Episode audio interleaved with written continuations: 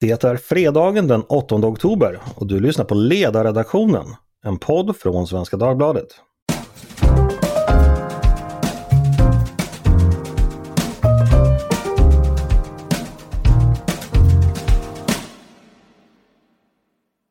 Varmt välkomna till oss denna fredag. Som vanligt på arbetsveckans sista dag ska vi på ledarredaktionen försöka samla tankarna och tycka till kring veckans händelser. Jag heter Andreas Eriksson och med mig för att diskutera idag har jag mina tre kollegor. Eh, Maria Ludvigsson heter en, välkommen hit! Tack för det! Har du hunnit gå in i fredagsstämningen än? Mm, ja, lite grann, för jag har ätit en croissant och druckit en kopp kaffe. Se där! Mm. Härligt! Eh, med också Peter Wemblad, redaktionens biträdande chef. Välkommen hit! Tack så mycket! Dig behöver jag ju inte fråga om fredagsstämning, men jag kan ju som vanligt fråga om eh, läget på Gotland. Eh, det, är som, det är som det brukar. Mycket bra alltså? Ja, precis. Och för att förfärdiga denna moderata triad har vi direkt från Lojovägen på Lidingö Mattias Svensson. Välkommen Mattias! Tack så mycket! Har du haft en bra vecka? Det har varit död och skatter men eh, nu börjar det pigga upp sig lite. Mm. Vi ska faktiskt börja med, med eh, det förstnämnda där, eh, död. Eh, vi får tyvärr börja vår diskussion i moll. Det var ju så att veckan inleddes med ett sorgebud. Eh, konstnären och konstvetaren Lars Vilks förolyckades ju i söndags tillsammans med sina livvakter när de var på väg i bil på E4 i Småland vid Markaryd. Vi tog upp detta i podden i måndags. Eh, du Mattias samtalade då med Sanna Reimann och Christer Thelin om Vilks och hans gärning och eftermäle. Vad hade ni att säga då, Mattias? Ja, alltså det tycker jag är ett viktigt fokus att eh, när någon har gått bort eh, och framförallt eh, eftersom eh, det, det, är så lätt att fastna i det dödshot han levde under från militanta islamister och, och den ofrånkomliga offerroll det innebär. Men Lars Vilks var ju en oerhört kreativ konstnär och upptågsmakare och det var vi inne på ganska mycket. Christer Thelin har ju då bott granne med hans eh, konstverk eh, Nimis eh, som, eh, som är byggt av, av drivved och, och, och, som utvecklats i konflikt med, med diverse byråkrater och eh, eh anspråk i, i, i, i den postmoderna anda han, han verkade i. Eh, och och det, där, därför, det, det, blev rätt kul för det blev mångfacetterat på det sättet. Mm. Jag vet ju det att eh, när man tittar runt i bekantskapskretsen på sociala medier och sådär. Många som träffade Lars Vilks har ju väldigt ljusa och varma minnen av honom. Han verkar ha gjort mycket, mycket stort intryck på, på de människor han, han hade runt sig. Eh, våra tankar är förstås med Vilks närstående i det här läget. Men eh, naturligtvis en stor förlust för det, det offentliga Sverige. Hörrni, vi ska gå vidare. Eh, Peter, du har i veckan intresserat dig för USA, eh, för mm. det Republikanska partiet och nästa presidentval som ligger tre år bort.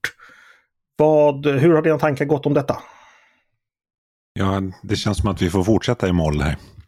Ja, dessvärre. Eh, ja, nej, men det jag ville uppmärksamma i min artikel var ju den både liksom pågående debatt och den pågående politiska process som finns i USA och som jag betraktar som ett, eh, ett stort hot mot liksom grunderna för den amerikanska demokratin. Jag tror många av oss upplevde nog ungefär samma sak när Trump, Donald Trump förlorade valet förra hösten och sen efter stormningen av Kapitolium så småningom lämnade Vita huset att man drog en lättnadens suck och tänkte att nu är det över.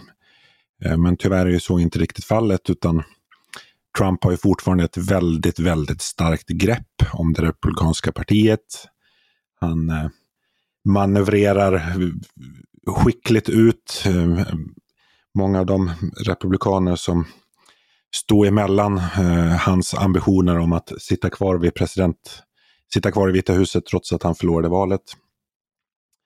Eh, och det, det pågår mycket politiska processer som på olika sätt ska underlätta för, för Trump att om han blir eh, presidentkandidat igen, vilket är mycket sannolikt, att han eh, ska kunna få gehör för sina eh, intressanta teorier om, eh, eh om valfusk och bristande legitimitet i, för valet. Eller bristande integritet. Vad vi ser framför oss här då, det är alltså Trump då via sin folkliga popularitet och starka stöd i, i ba, partiets bas blir kandidat igen. Man har mm. ett val. Eh, det slutar kanske på, ja, säg som på samma sätt som det gjorde 2020. Det vill säga eh, man räknar färdigt och Trump förlorar. Men då kommer han då återigen säga att det här har gått fel, det är massa tveksamheter. Och den här gången så kommer han då på lokal nivå eller på delstatsnivå så kommer han ha så många allierade att han helt enkelt kommer kunna ja, helt enkelt försöka ta över ändå. Det, det, det är ungefär så vi tänker oss. Ja, alltså för att förenkla ganska mycket. Alltså en, en bärande del i hans taktik här i, i vintras var ju att försöka få eh, få politiker på delstatsnivå att eh, i, de, i de här eh, vågmästarstaterna att liksom underkänna sitt eget valresultat eller leta fram ytterligare röster som kunde förändra valresultatet. Mm. Och här, ser, här bedriver ju Republikanerna liksom processer, eller har ge, både genom, föreslagit och genomfört förändringar eh, i ganska många stater som gör det lättare vad säga, att för en lokal... För det kan ju vara så eh, att, ta som i Georgia senast, så var det liksom Republikanerna som styrde, eh, som styr i delstaten, men där Joe Biden fick flest röster. Eh, och då skulle ju då en, en republikansk majoritet vad säga, kunna underkänna den egna delstatens eh, varustat. Och... och det här är ju då inte en vänsterkonspirationsteori, utan det här är ju varningar som kommer från amerikansk höger, ska sägas också.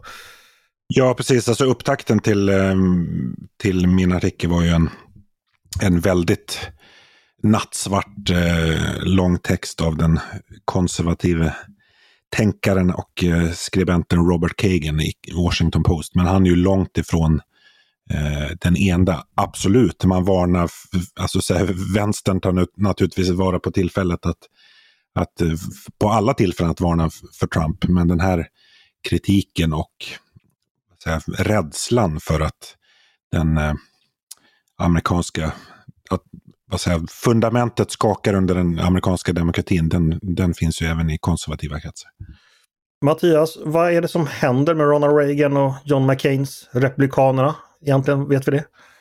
Nej, det, det, det är svårt att säga, men, men det är ju en, eh, ett eh, Eh, kulturkrig som har, eh, som har invaderat också det, den amerikanska eh, processen. Och delvis, jag menar, det, det fanns definitivt anledningar till det missnöje som Trump har artikulerat. När han kom in så Innan han kom in i, i processen så såg det ut som att det skulle vara ännu en Clinton mot ännu en Bush i, i liksom något väldigt förutsägbart eh, politiskt elittillrättalagt val. Eh, och, och, och de protesterna bör, bör förstås ta på all, tas på allvar, men på samma allvar behöver man ta vad, vad Trump är för karaktär och driver för agenda. Att han, att han artikulerar ett missnöje eh, är, är uppenbart eh, och en del av det missnöjet är legitimt. Men men hans maktutövning bör nu, liksom efter fyra år i Vita huset och framförallt i, i agerandet efteråt när, när han inte klarar av en, eh, att, att hantera en valförlust så, så, så, är ju det talande för vad det är för, eh, för karaktär. Och som Peter säger, det finns många, eh, Rick Wilson som skrivit “Everything Trump touches dies” visar hur, hur väsensfrämmande det här är för, för liksom, alltså in, inte bara republikaner i allmänhet utan, utan också någon som har, har liksom varit ledande i, i kampanjer och definitivt inte liksom, eh, avstått från, från liksom, eh, tricks och, och knep i, i, i kampen om makten. Men, men Trump är liksom en, en annan nivå också för, för sådana personer. Eh, och, och, och, jag tycker resultat, en av de vackraste sakerna med demokratins institutioner är ju just det här att man när man har förlorat så ringer man och gratulerar motståndaren.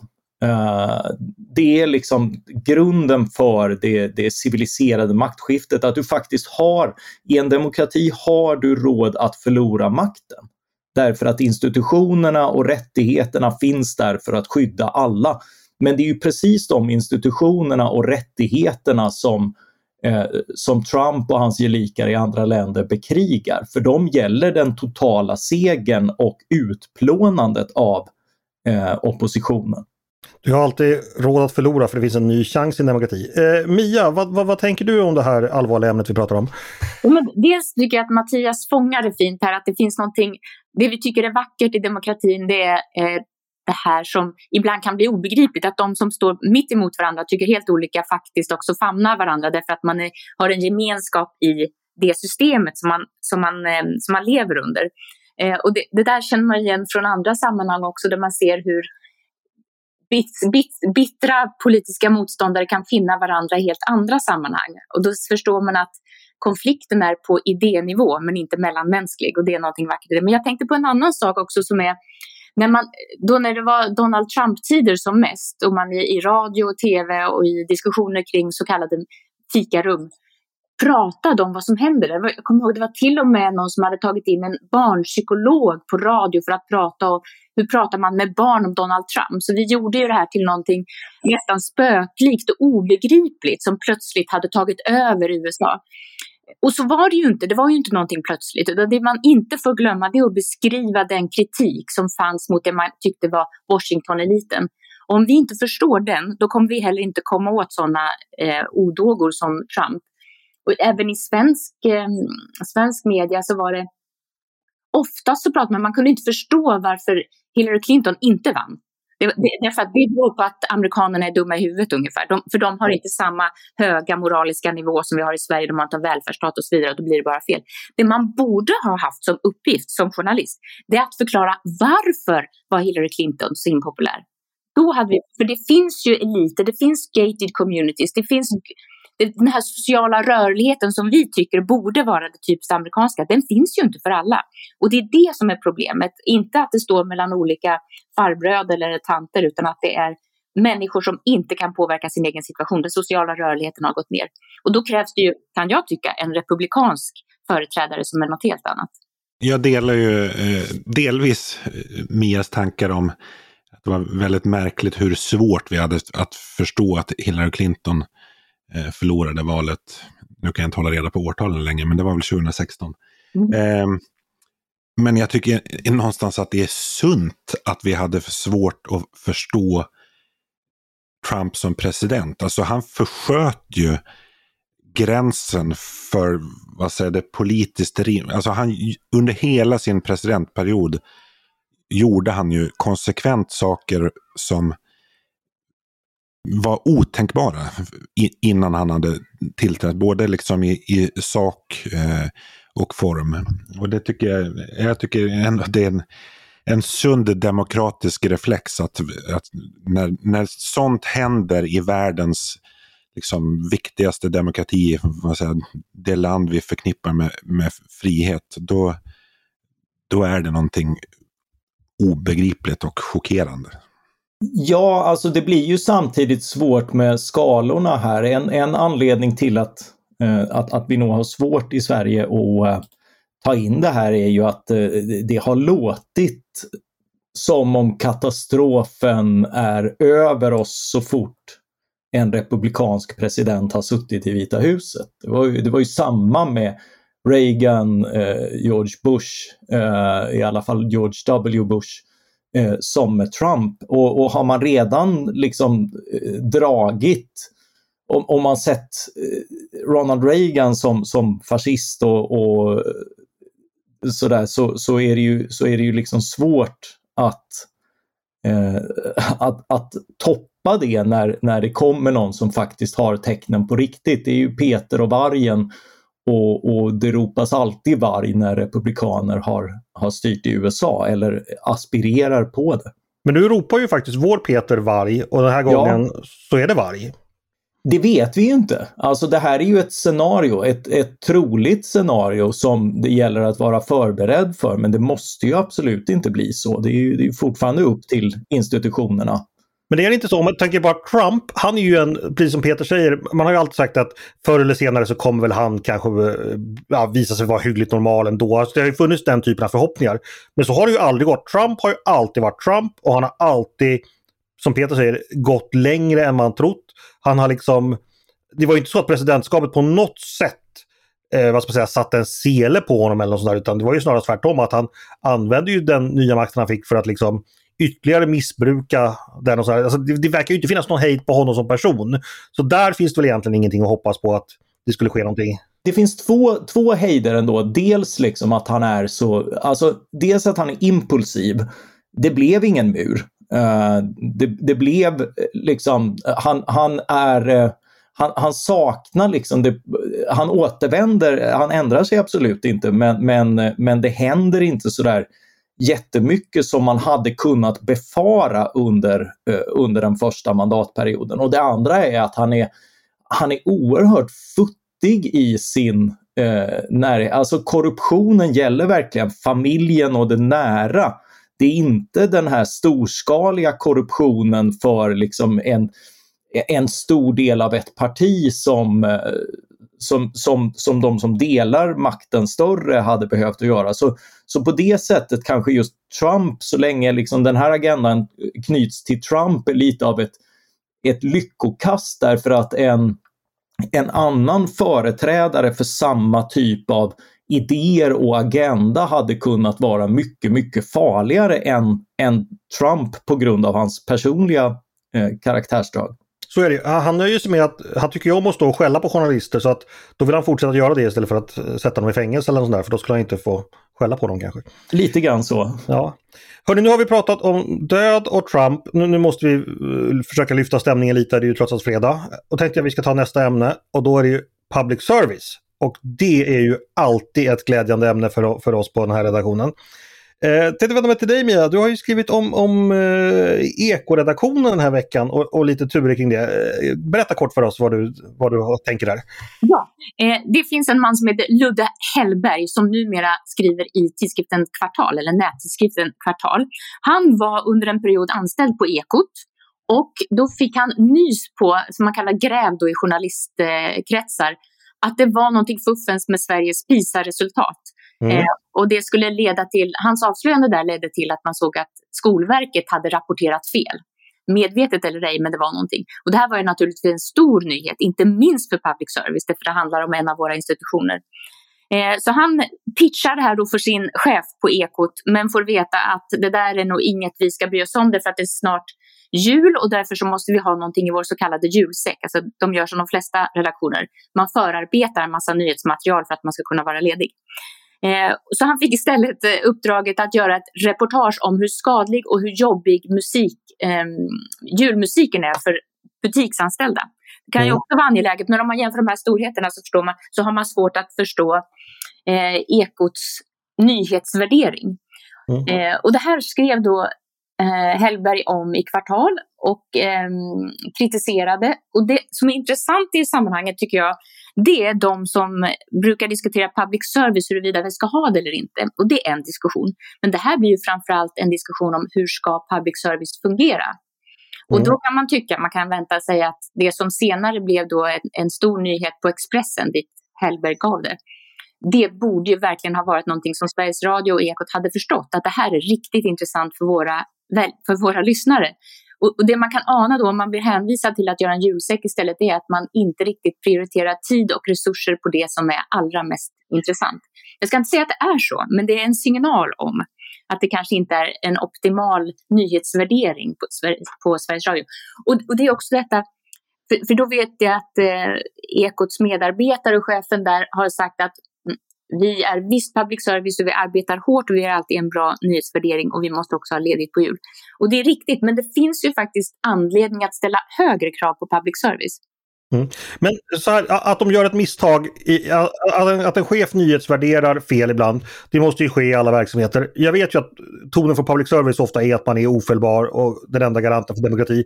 Men rent mänskligt så är det kanske inte så konstigt att även en redaktion med stora resurser och mycket kompetent personal, som då Ekoredaktionen är, ibland gör missar. Det, det är väl inte så mycket att uppröras över, tänker jag. Nej, det är det inte. Men eh, jag kan också tycka att tonen i, i svaret från Eko, Ekoredaktionen är att ja, nu blev det inte så den här gången och det var ju synd.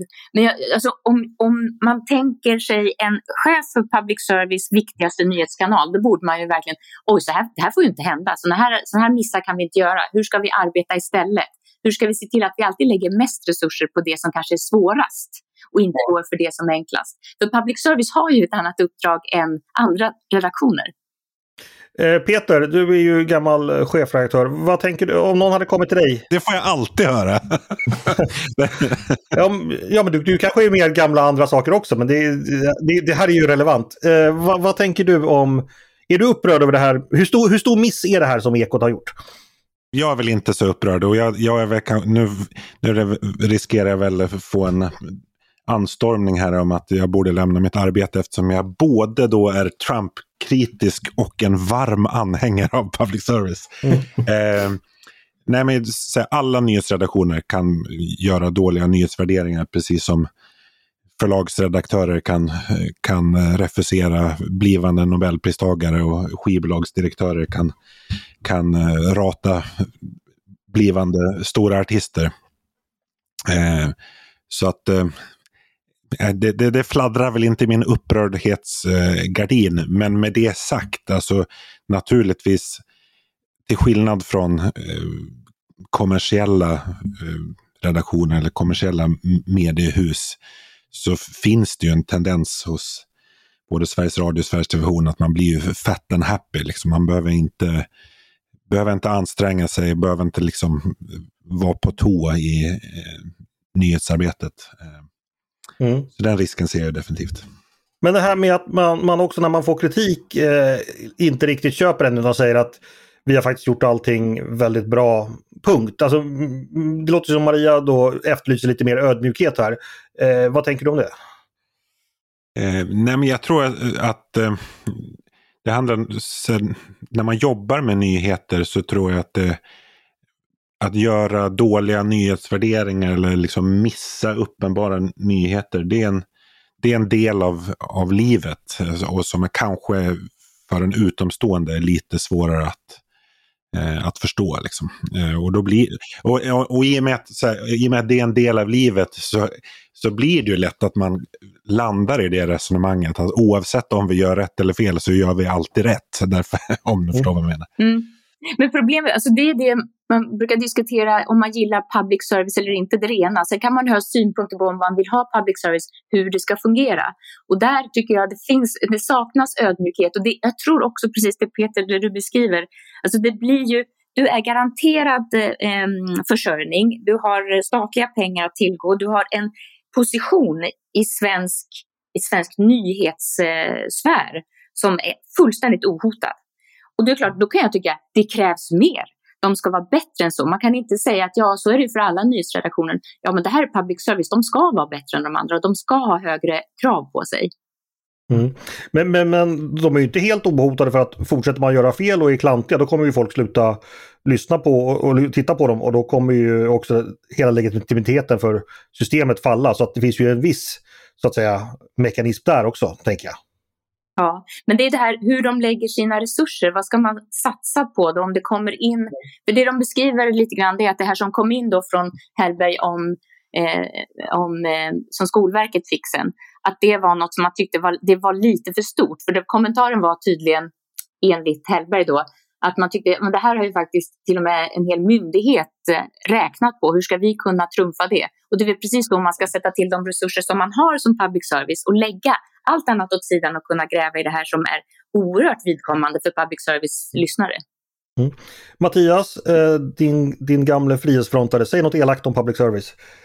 Ja, alltså det är ju mest att det är principiellt fel att, att staten håller i en väsentlig del av, av nyhetsproduktion och nyhetsförmedling. Det, det, det är klart att det får en agenda. Ibland är Eh, som i vissa länder har vi sett att det, att det blir tydligt liksom statens röst, men, men även när, när det liksom sker på, på armlängds avstånd så finns det ju risk att, att det intas av, av kotterier och, och små församlingar med en, med en eh, en, en, egen agenda som, eh, som man ofta blir blind för. Och, och den, den kritiken är ju rätt eh, uppenbar i, i många public service-fall.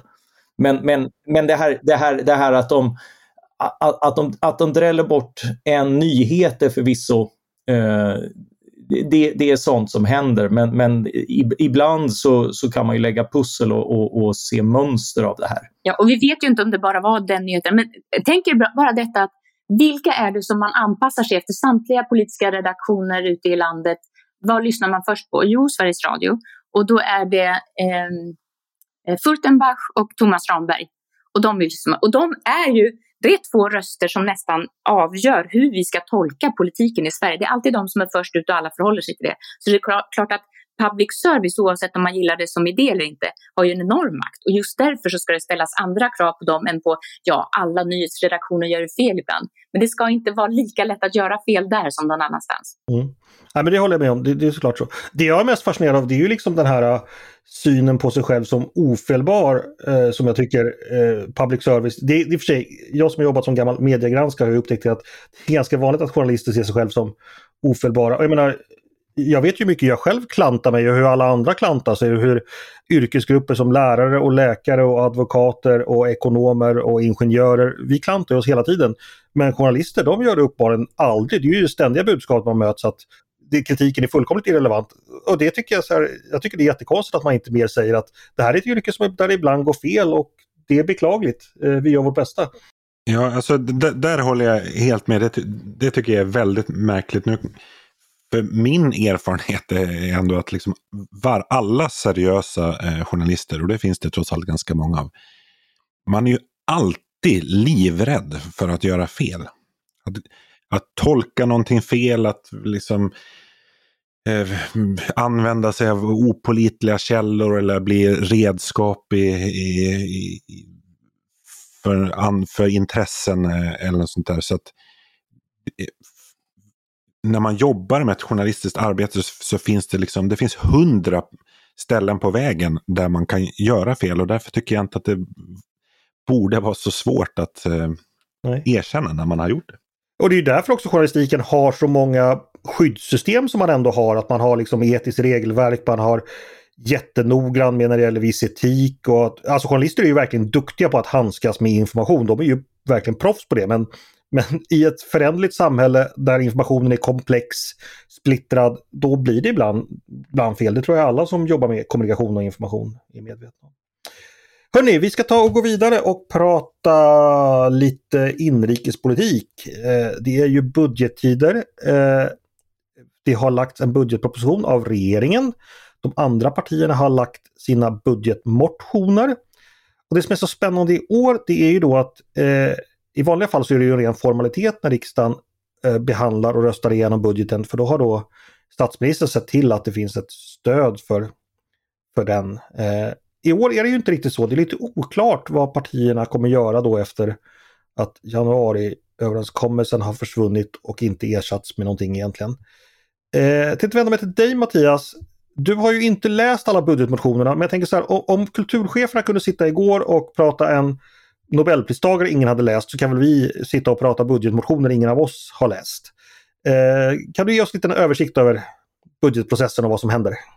Ja, ja jag har ju som, som, som du säger inte stenkoll som Robinson Emma sa, men eh, en, det, det, finns ju en bredare ideologisk eh, debatt i ekonomiska frågor som tyvärr har rätt mycket av en, eh, en vänsterlutning. Det finns en bekymmerslöshet och, och, entusiasm över att använda staten och låta staten eh, svälla i uppdrag och utgifter och annat. Och, och att skuldsättning som vi nu har ägnat oss åt på 2000-talet eh, och, och, eftersom det är so far so good så, så tänker man att ja, men det kan vi fortsätta med. Eh, finns, finns väldigt starka progressiva stämningar och, och Joe Biden har ju verkligen liksom blåst upp det här liksom, eh, liksom Trump före honom. Så det är liksom en, en, en, en trend som går eh, som, som finns i alla politiska läger. Och, och det ser vi också här med, med det enorma eh, utrymme för, för reformer som, eh, Magdalena Andersson unnat sig på 74 miljarder som är betydligt över vad, vad Konjunkturinstitutet tänkte och, och det är ju intressant att inget parti kunde, kunde så här ett valår motstå att, att i alla fall eh, spendera motsatsen. Moderaterna har ju annars liksom gärna legat åtminstone något lägre i sina bedömningar just för att signalera eh, an, a, eh, fiskal ansvarsfullhet. Eh, men eh, det står ändå väldigt tydliga alternativ mot varandra därför att eh, för, till skillnad från under alliansåren, då var det här reformutrymmet som man pratade om, alltså de ökade det tillskott från ökade intäkter jämfört med utgifter som, eh, som fanns per år. Det, det, är ju egentligen felräkningspengar i, i hela budgeten, kunde röra sig om 25 miljarder ungefär i, i budgetar på 870 miljarders storlek. Men det var ändå kring de här pengarna all diskussion fokuserade. Men nu finns det tydliga vänsteralternativ där man inte bara spenderar så mycket som, eh, som medges av de här budgetramarna utan tänker sig eh, väsentligt höjda skatter för att kunna eh, spendera ännu mer. Eh, och, och, på andra sidan eh, tänker man sig då att, att liksom, eh, vi behöver tillskott till, till liksom kärnverksamheten, alltså polis, försvar och Eh, och, och, grundläggande skola, välfärd behöver tillskott eh, av, av, demografiska skäl, av, av, för att kriminaliteten utvecklas som det gör för en osäkrare värld och liknande. Eh, men där, där, har man å andra sidan börjat titta på sånt som bistånd och annat och, och inte ta utgifterna för givna. Och jag, jag tror att bo, båda de här den, den ökade fantasin är välkommen men, men vänsterdominansen i, i att spendera mer är det inte. Så det finns väldigt tydliga alternativ i liksom spendera på allt och, och beskatta mer står, står då mot eh, stärk det viktiga, minska på annat så att folk fortfarande får behålla mer i plånboken. Mia, ser du samma sak? Att vi ser en ökad ideologisering av den ekonomiska debatten där alternativen börjar utkristalliseras tydligare? Mm. Oh, I wish höll jag på att säga. Jag, jag efterfrågar ju alltid mer av det som är som gör att man kan förstå varför höger och vänster tycker olika och då krävs det mer av ideologiska diskussioner. Jag tycker att i synnerhet i budgettider så blir det alltid en fråga om vilka intressegrupper man vänder sig till jag minns Göran Persson så här, och nu ska pensionärerna ha sitt. Alltså mm. det, är det är en tid när man står och matar olika befolkningsgrupper för att sedan få deras röster. Och det blir en, den sortens politisk diskussion tjänar inte det politiska samtalet på.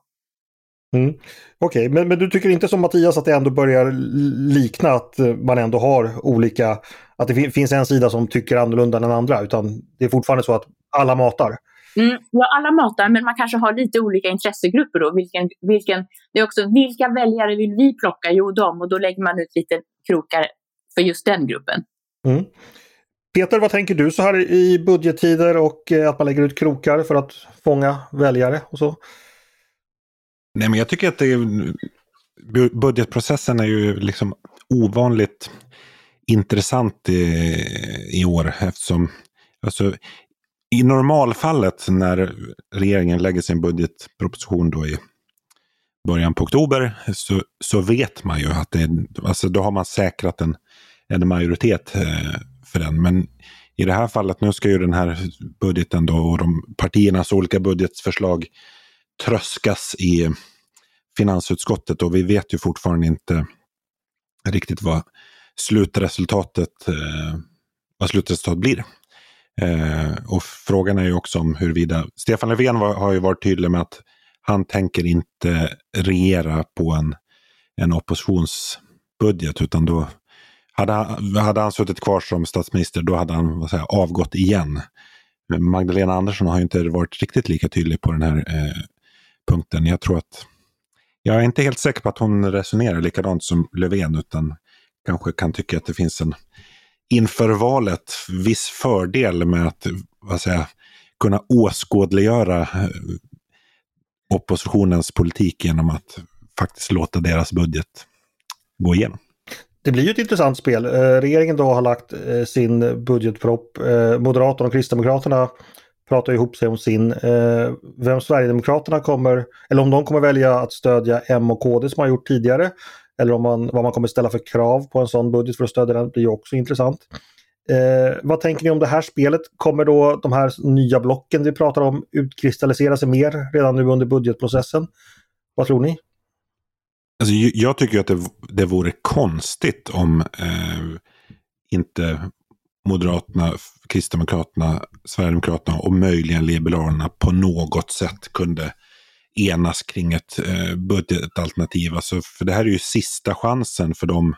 Alltså det, det är ju det är den konstellationen som utgör ett eh, regeringsalternativet. Även om Sverigedemokraterna inte kommer ingå i en, eh, i en regering vid ett regeringsskifte. Men alltså om man inte kan, det skulle ju varit en svaghet att gå in i en valrörelse och inte lyckats, ha lyckats enas om en budget i eh, året innan. Mm. Eh, Mia, vad tänker du om det?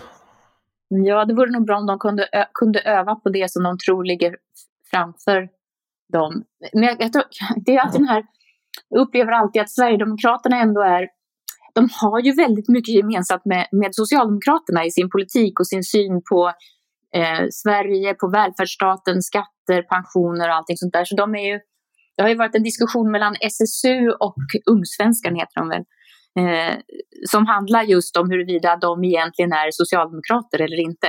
Mm. Och det finns ju mycket i det som jag tycker att de egentligen, i synnerhet i en budgetdiskussion, hör, de hör ju mer hemma med Socialdemokraterna än med de eh, marknadsliberala borgarna. Mm. Har du aldrig hört talas om galtan?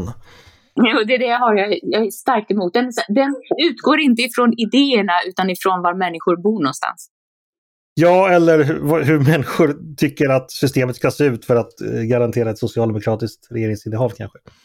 Eh, Mattias, du får knyta upp säcken här kring, kring budgeten och eh, vilka du tror kommer eh, vara de som drar längsta strået här. Vad tänker du? Ja, det blir, det blir ju intressant eh, därför att eh, det, det, visar ju som sagt på vad, vad, finns det för egentligt regeringsalternativ. Eh, en, en MKD-regering är ju parlamentariskt ännu svagare än nuvarande SMP-regering med, med dagens stöd.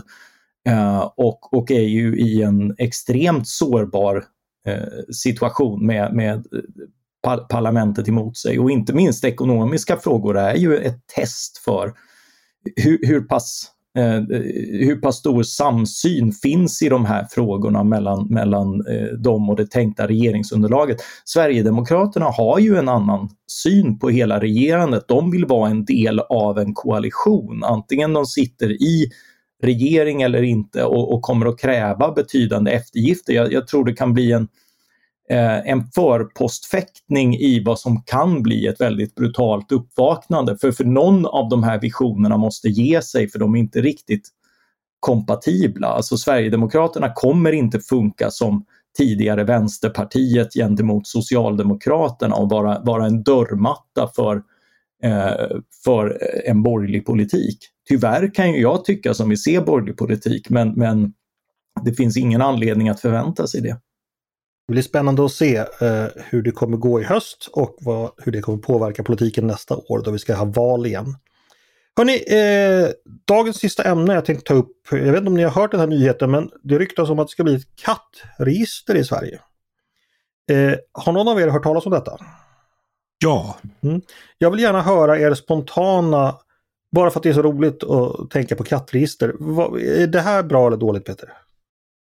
ja, min spontana tanke är varför? Jag får lov att citera min lokala ledarskribent i Gotlands Allehanda, eh, Mats Linder, som i, frågade sig varför vi behöver det här när vi inte ens vet hur många människor som befinner sig, befinner sig i vårt land och vilka de är. Så det känns, känns lite bakvänt att börja med katterna. Men jag blev nästan lite nostalgisk. För känns inte det här som ett så här DDR-Sverige 80-talsförslag? Som liksom man hade kunnat komma på jag ska säga folk, liksom folk på bostadsräkningen. ja, men precis. Och jag ser framför mig liksom att det skulle kunna mobilisera motstånd i form av alla så Danderydspapperna sätter dekaler på sina 740. Stoppa kattskatten och Eh, det, vi har liksom en sån speciell eh, 8 oktoberdag som liksom... Eh, ja, men det är, väl, det är väl typiskt motståndet mot det här krångel-Sverige. Jag tänker på han eh, när Magnus Härenstam spelar kronofogde i Göta kanal och säger snart blir det kanotskatt och vagnskatt och sånt där. Liksom. Alltså, eh, Mattias, minns, känner inte du dig lite upplivad av det här nostalgiska tillbakablicken till, till gamla konflikter? Alltså, jag, jag, jag ser ju farans riktning och det vore ju Alltså eh, nostalgi i all ära men, men DDR-Sverige är verkligen inget att, att längta tillbaka till av just det här skälet. Det var, det var liksom ett, ett, alltså det finns inga snälla sätt att ta ut högre skatter. Eh, antingen driver de företag på flykten och, och, och, människorna bakom företagen som på 70 och 80-talen. Eller så blir det just det här petandet i folks privatliv, utmätandet och, och men, men, tror du de ska utmäta katter? De ska inte utmäta katterna hoppas jag. Är det det som är syftet bakom detta? Alltså, eh, nej, alltså syftet, syftet är ju att, eh, att liksom bekämpa att, att katter blir övergivna, problematiken med sommarkatter så och sådär. Så säger men, de ju alltid. De, de, ja, de, ja, men precis, precis. Alltså, alltså jag, jag, jag tror ju inte att det är ett speciellt effektivt redskap för det och, och sen när det väl finns och, eh, och kostar pengar så, så, och någon räknar på, det finns ju redan sådana här räkningar om klimatavtrycket för, för husdjur och sånt där. Alltså, alltså det, det, är ju, det är svårt att inte se att det ligger liksom beskattning och kontroller och inspektörer och, och en ja eh, en, en strikt husdjurspolitik i, i den riktningen. Liksom. Jag läste att, att regeringen med det här vill höja katternas status. Så det, låter, det låter lite grann som den animaliska motsvarigheten till lärarlegitimationen. Ja, ja jo men det är ju liksom en sån här eh, re registrering och konstlad begränsning som får upp priserna. Och vad, vad är priset på katt? Jo, det är skatt. Jo, precis. Det här, här uppfinner man så att säga liksom en skattebas för framtida behov och så kan man dra fram det i, i, i skarpt läge så att säga. Ja, vi, vi på Svenska Dagbladets ledarredaktion låter som vi är väldigt, väldigt bekymrade över kattregistret. Stämmer ja. det? Ja. Nej till kattskatt. Ett, ett proaktivt nej till kattskatt. Det finns, dels är det så att man tänker att ja, det ska bli skatt och det är vi alltid emot. Men så finns det också någonting i det som stör mig så att det är den här ovanifrån synen på mänskligheten. Att vi måste organisera, vi måste styra upp det här. Moderaterna har ju just nu det här eh, Sverige måste fungera som att det liksom så här, om någonting fungerar så krävs det en stat som till exempel gör ett register på alla små kattassar som finns. En väldigt dirigistisk syn på medborgaren. Vi måste få ordning, måste ha koll på, annars kan vi inte styra det. Det är det som ja, det måste finnas ett, en policy, Excel-ark ja. att kryssa i för annars, annars är det inte på riktigt. Nej, precis. För, för, för samhället finns först när det politiseras. Mm. Först kom de för katterna men jag sa ingenting för jag var inte katt. Eh. ja, hörni, vi, vi får fortsätta bevaka den här frågan känner jag. Eh, men det är bra att ni som lyssnar också får veta vad som är på färde med, med katterna. Eh, håll hårt dem, snart så kanske de utgör en skattebas. Därmed så är det väl dags att eh, runda av. Tack så mycket för att ni kom till mig och eh, tyckte till om veckan. Tack Mattias! Ett sant nöje! Och Mia och eh, Peter. Tack! Alltid lika trevligt. Och tack till er som har lyssnat också på Ledarredaktionen, en podd från Svenska Dagbladet. Hör gärna av er till redaktionen med tankar och synpunkter eh, på kattskatter och kattregister och annat. Eller om ni har idéer och förslag på saker vi borde ta upp i framtiden. Maila då bara till ledarsidan snabel svd.se. Trevlig helg hörni! Eh, dagens producent har varit Jesper Sandström. Själv heter jag Andreas Eriksson och jag hoppas att vi hörs igen snart.